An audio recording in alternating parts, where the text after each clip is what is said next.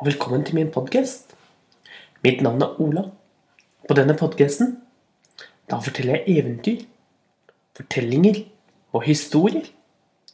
Noen av eventyrene, de er gamle. Ja, de er faktisk flere hundre år gamle. Noen av dem er faktisk tusen år gamle. Men noen av dem, de finner jeg på akkurat her og nå. Og i dag, i dag skal vi høre mer om Nila, som kommer for sent. Og Nila-serien, det er eventyr som jeg finner på akkurat mens jeg forteller dere. Og til de eventyrene, de har jeg ikke planlagt noen ting annet enn å fortelle akkurat historien slik den blir lagd her og nå med jeg, meg og deg. Og i dag i dag skal vi få høre om da Nila danset med nordavinden. Nila, nå er du sen igjen, ropte mammaen til Nila. Men mamma, det er ikke min skyld at jeg kommer for sent i dag. Du skjønner det, at uh, jeg Jeg var jo på vei hjem fra skolen. Men mens jeg gikk bortover, så plutselig kom det en så kraftig vind at jeg ble flydd helt opp i luften. Og matpakken min, den fløy ut av sekken og landet i toppen av et tre. Jeg selv, jeg fløy høyt, høyt opp i været. Og så ble jeg sittende fast på toppen av det høyeste huset i hele byen, nemlig rådhuset. Og jeg kom meg ikke ned, og det var så langt ned, mamma. Jeg satt der helt alene på toppen av taket. Men når jeg hadde sittet en god stund, begynte jeg å kjede meg. Så jeg begynte tenkte jeg kan jo prøve å titte litt inn gjennom vinduene. Kanskje er det noen som ser meg, og så kan de hjelpe meg ned. Og rett som jeg så inn i det ene vinduet, da fikk jeg øye på ordføreren vår. Han satt der inne. Og vet du hva, mamma? Han pillet seg selv i nesen. Og busene knipset han rundt i hele rommet sitt. Det var ganske ekkelt. Men, men så så jeg plutselig at uh, ordføreren vår Han Han hadde Han hadde en liten hund. En liten hund som lå der inne. Og den var så søt. Jeg hadde aldri sett en så liten og søt hund før. Og jeg ble stående og se på den, og da glemte jeg helt at jeg sto høyt, høyt oppe på toppen av et tak. Hunden hans den hadde sånn fin rosa sløyfe i håret. Og siden så speidet jeg utover, og der oppe, helt oppe på taket av rådhuset, der kunne jeg se så langt. Jeg kunne se skolen. Jeg kunne se huset vårt. Og jeg kunne se alt som skjedde i hele byen. Det var fantastisk fint oppe, mamma. Jeg hadde aldri sett noe lignende. Da ble jeg selvfølgelig stående der og se og se og skue utover hele byen vår. Og da, da gikk tiden så fort. Og vips, før jeg visste ordet av det, så var det allerede middagstid. Men jeg satt jo fast på taket, og jeg kom meg ikke ned. Da, med ett, så hørte jeg en stemme. En stemme som hvisket meg i øret. Woo, woo. Sitter du fast, lille jente? spurte stemmen når jeg snudde meg. Det var ingen der. Men da, da sa stemmen en gang til. Du kan nok ikke se meg. Jeg er nordavinden. Jeg flyr over alle hav, over alle fjell, og jeg er den sterkeste av de fire vindene.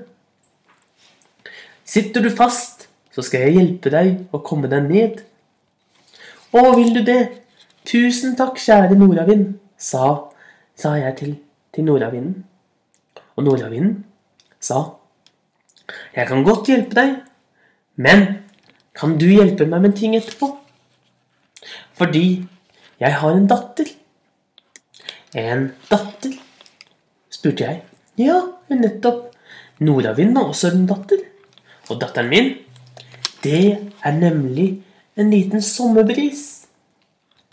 Hun, hun har en fin, fin kjole som er lagd av luft med blomster i. Så det ser ut som det flyr blomster rundt og rundt henne. Og i håret så har hun selvfølgelig hele tiden vind. Og rundt halsen har hun et fint gullsmykke. Men gullsmykket, det er lagd av små, små gullperler som flyr og svever rundt halsen hennes. Og jeg er veldig glad i, i, i datteren min, sa nordavinden. Men så har det seg sånn at hun ikke har lyst til å gifte seg. Og jeg synes at det er på tide at hun skal gifte seg og finne seg en prins. En vindprins. Fordi sønnen til Sønnavind har en slik fin, vakker prins. Han, han er så god og varm. Han kan fly langt over fjellene. Han er sterk. Han kan blåse. Han kan blåse trær over ende. Og han kan til og med løfte biler med med å blåse. Han er så sterk. Men min datter har ikke lyst til å gifte seg med sønnavinden sin sønn. Kanskje du kunne bli med og snakke med min datter og finne ut hva hun har lyst til? For jeg, jeg skjønner helt ærlig ikke hva, hva datteren vil. Hun har nemlig blitt tenåring. For hun er bare Hun er tross alt bare 300 år gammel. Men hun oppfører seg som om hun er 1000. Hun er altså bare en ungdom. En liten ungdomsvind som tror hun vet alt. Kan ikke du bli med meg og snakke med henne? Kanskje du kan overtale henne? Jeg skal prøve, sa, sa jeg til nordavinden. Og jeg, jeg ble med. Jeg satte meg på ryggen til nordavinden. Og nordavinden fløy så fort, så fort. Snart, snart så var vi, var vi langt, langt borte. I et helt annet land. Og da er det ikke rart at tiden gikk. Da kunne jeg ikke komme hjem ennå. Jeg måtte jo hjelpe nordavinden å snakke med datteren. Men rett som det var, så kom vi flyvende mot en stor skog. Og jeg var sikker på at vi kom til å krasje midt inn i skogen. Men nordavinden bare lo og blåste, og trærne bøyde seg til siden og falt ned mot bakken. Og vinden, vinden blåste så kraftig på alle trærne at alle trærne mistet alle bladene sine. Og de ble med en gang gule, røde og brune. For nå var det høsten som kom, sa, sa nordavinden. Siden så fløy han ut på det store havet og lagde store, store bølger med hvitt skum på. Han blåste og kom forbi en stor seilskute han fylte lungene sine fulle av luft og blåste så skipet fløy av gårde like raskt som en racerbåt. Slik fortsatte nordavinden å fly langt, langt av gårde, og overalt hvor den fløy, så tok den seg tid til å fly og blåse og hjelpe alle som var på veien. Og nordavinden var så sterk. Jeg hadde aldri sett noe lignende. Og når vi hadde flydd hele dagen slik, da så jeg endelig noe langt, langt borte. Det var så ut som et slott, men slottet det svevde høyt oppe i luften. Oppe på skyene. Det var det vakreste slottet jeg noen gang hadde sett, mamma. For det slottet, det glitret. Det glitret i hvitt og blått. Og midt imellom alt glitteret så får du små lyn. Små lyn fra side til side. Men lynene, Noen av lynene var gule, selvfølgelig. Men noen av dem var røde, og noen av dem var blå. Men de aller vakreste var de lilla lynene som fløy mellom skyene. Og skyen var ikke sort, slik som man ofte ser på regnskyer og tordenskyer. Nei, de var lyse, lyse rosa. Og der så jeg den vakreste, vakreste jenten jeg noen gang hadde sett.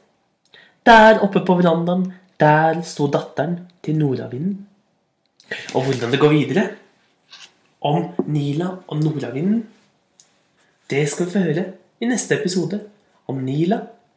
Om, om Nila som kommer for sent. Ha en riktig god dag. Takk for i dag.